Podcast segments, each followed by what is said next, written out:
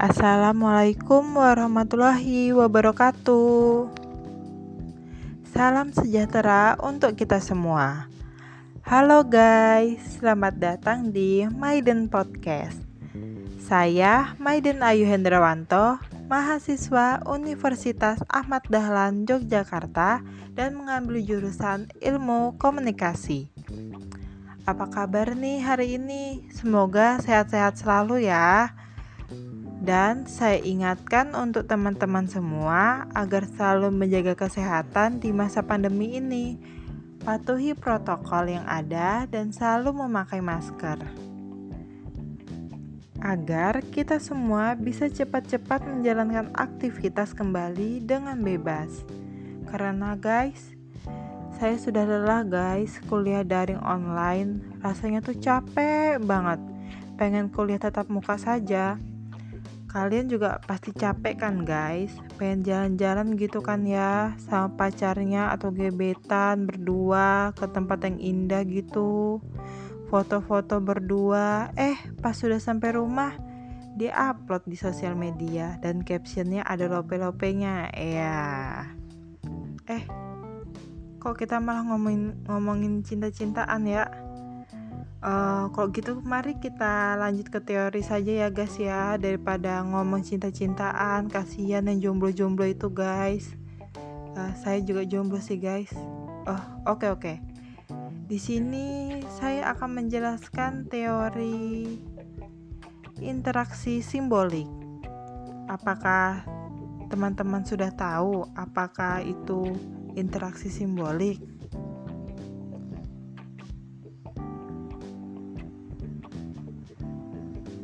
Oke, mari kita bahas ya guys. Teori interaksi simbolik merupakan teori yang memiliki asumsi bahwa manusia membentuk makna melalui proses komunikasi. Teori interaksi simbolik berfokus pada pentingnya konsep diri dan persepsi yang dimiliki individu berdasarkan interaksi dengan individu lain. Sosiologi yang pertama kali menggunakan istilah interaksi simbolik adalah Herbert Blumer ketika berkolaborasi menulis dengan koleganya yaitu George Herbert Mead di Universitas Chicago. Istilah interaksi simbolik dikembangkan. Mead kemudian menulis buku berjudul Mind, Self, and Society yang membuat teori interaksi simbolik dikenal luas di kalangan intelektual Amerika dan Eropa. Menurut Hilbert, terdapat tiga asumsi dari teori ini. Yang pertama, manusia bertindak berdasarkan makna yang diberikan orang lain kepada mereka. Yang kedua, makna diciptakan dalam interaksi antar manusia. Yang ketiga, makna dimodifikasi melalui interpretasi. Sedangkan menurut Larosan, ada dua asumsi dalam teori ini. Yang pertama adalah interaksi antar individu dapat mengembangkan konsep diri seseorang.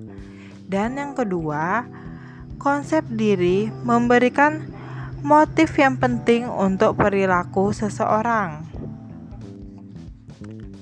Dalam pandangan teori interaksi simbolik, manusia adalah makhluk pembuat atau produsen simbol. Suatu pemikiran yang mengingatkan kita pada pernyataan filosof Jerman dari kubu neo-Kantian Ernst Cassirer bahwa manusia adalah animal simbolicum. Segala sesuatu yang ada di dalam kehidupan manusia mempunyai makna simbolik. Makna-makna ini tidak datang dengan sendirinya, melainkan dihadirkan dan kemudian disepakati dan menjadi sebuah simbol. Simbol di sini dipahami sebagai tanda yang mengandung kesepakatan makna oleh sebab itu, perilaku manusia, baik sebagai individu maupun kelompok, bertitik tolak dari makna-makna simbolik dari objek itu tadi. Sebagai contoh, kita menyaksikan ada tanda lalu lintas yang di bagian ujung tiangnya terdapat lempengan berbentuk lingkaran dengan tanda huruf P yang dicoret. Tanda itu adalah simbol yang disepakati bermakna larangan untuk parkir di sebuah tempat itu. Kesepakatan ini diyakini sudah bersifat universal karena di berbagai negara, tanda lalu lintas yang bermakna larangan parkir diberikan simbol sama seperti itu. Pembentuk hukum khususnya peraturan perundang-undangan di bidang lalu lintas dan angkutan jalan mengadopsi makna simbolik ini dan menganggapnya sebagai hasil kesepakatan juga. Simbol ini disosialisasikan, diperkenalkan sejak kecil kepada anak-anak yang pernah belajar tentang etiket berlalu lintas sampai pada saat mereka dewasa nanti ketika akan surat izin mengemudi. Artinya, makna simbolik dari tanda larangan parkir itu telah dihadirkan dalam interaksi sosial. Tapi ya guys, uniknya dalam kenyataan kita menyaksikan tetap saja ada orang yang melanggar tanda tersebut. Bahkan kita menyaksikan mobil aparat penegak hukum. Ada yang kerap diparkirkan tepat di bawah atau di sebelah tanda larangan tersebut. Mengapa hal itu dapat terjadi? Mengapa bisa terjadi ada satu komunitas kecil, yakni aparat kepolisian yang berani untuk tidak memberi contoh yang baik dalam penegakan hukum?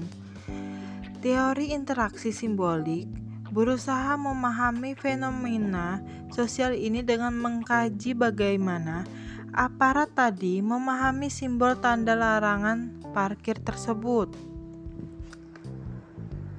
Tentu saja, kajian ini akan menarik jika perilaku di bawah tanda larangan parkir itu berulang kali terjadi, bukan kejadian secara kebetulan atau kecelakaan.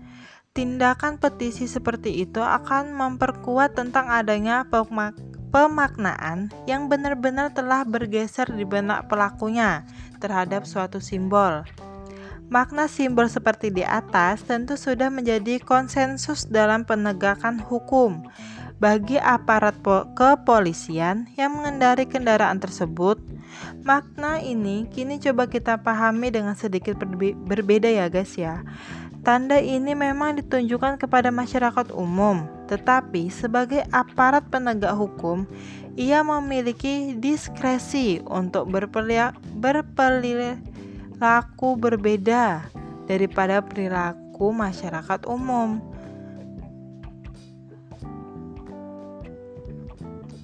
Argumentasi ini kurang lebih sama sederhananya ketika kita harus memahami suara sirena dan lampu rotator pada kendaraan di belakang kita untuk minta diberikan jalan di tengah kemacetan. Walaupun jalan itu adalah jalan umum, namun aparat menganggap ia memiliki diskresi untuk diberi keistimewaan, padahal saat mungkin diskresi, diskresi itu tidak relevan dan tidak ada urgensinya untuk dijadikan pada waktu itu. Di sini saya akan memberi contoh lagi agar lebih jelas ya guys ya. Coba kalian bayangkan tentang koleksi foto Instagram teman kalian yang mengenakan ga, mengenakan jaket, jam, tas sepatu yang bertulisan Gucci atau brand fashion mahal dengan background menunjukkan ia sedang berada di luar negeri. Contohnya di Korea ya atau di Malaysia, di Singapura dan lain sebagainya. Foto tersebut menandai sebuah status sosial tertentu.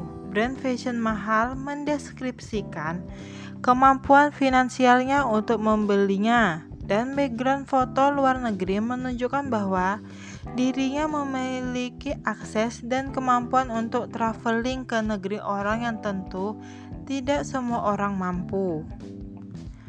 Tanda-tanda tersebut merupakan simbol yang digunakan untuk berkomunikasi dan menyampaikan pesan pada orang lain. Teori interaksi simbolik melihat membagikan foto semacam itu di Instagram merupakan sebuah tindakan dengan penggunaan simbol dalam rangka mendeklarasikan identitas semacam inilah aku, inilah diriku. Uh, Oke, okay. saya beri contoh satu kali lagi ya guys ya biar lebih lebih paham gitu ya. Yaitu tindakan orang yang merokok. Fakta objektif yang ditunjukkan ilmu medis menyatakan bahwa merokok berakibat buruk bagi organ tubuh. Namun, sekelompok anak muda memilih untuk merokok bukan karena mereka tidak tahu kebenaran objektif yang menjadi resiko merokok, tetapi karena mereka meyakini bahwa Merokok itu meningkatkan image positif tentang dirinya, setidaknya lingkungan pergaulannya. MIT memberi kontribusi untuk menjelaskan operasional teori ini melalui pembedaan istilah I, aku, dan me, daku. Aku, menurutnya, adalah diri yang aktif berpikir, bernafas, dan berperilaku dalam masyarakat. Sedangkan mi, daku, merupakan diri sebagai hasil interpretasi tentang apa yang dipikirkan orang lain tentang aku. Ketika kita bertindak berdasarkan apa yang dipikirkan orang lain tentang kita, maka maka aku telah berganti menjadi mi, daku. Seperti selfie di Instagram yang dicontohkan di awal dan anak muda yang merokok karena image. Teori interaksi simbolik dalam konteks ini menunjukkan bahwa perilaku menyimpang yang diperagakan oleh siapa pun jika dibiarkan dalam kurun waktu tertentu akan menghadirkan mana simbolik baru.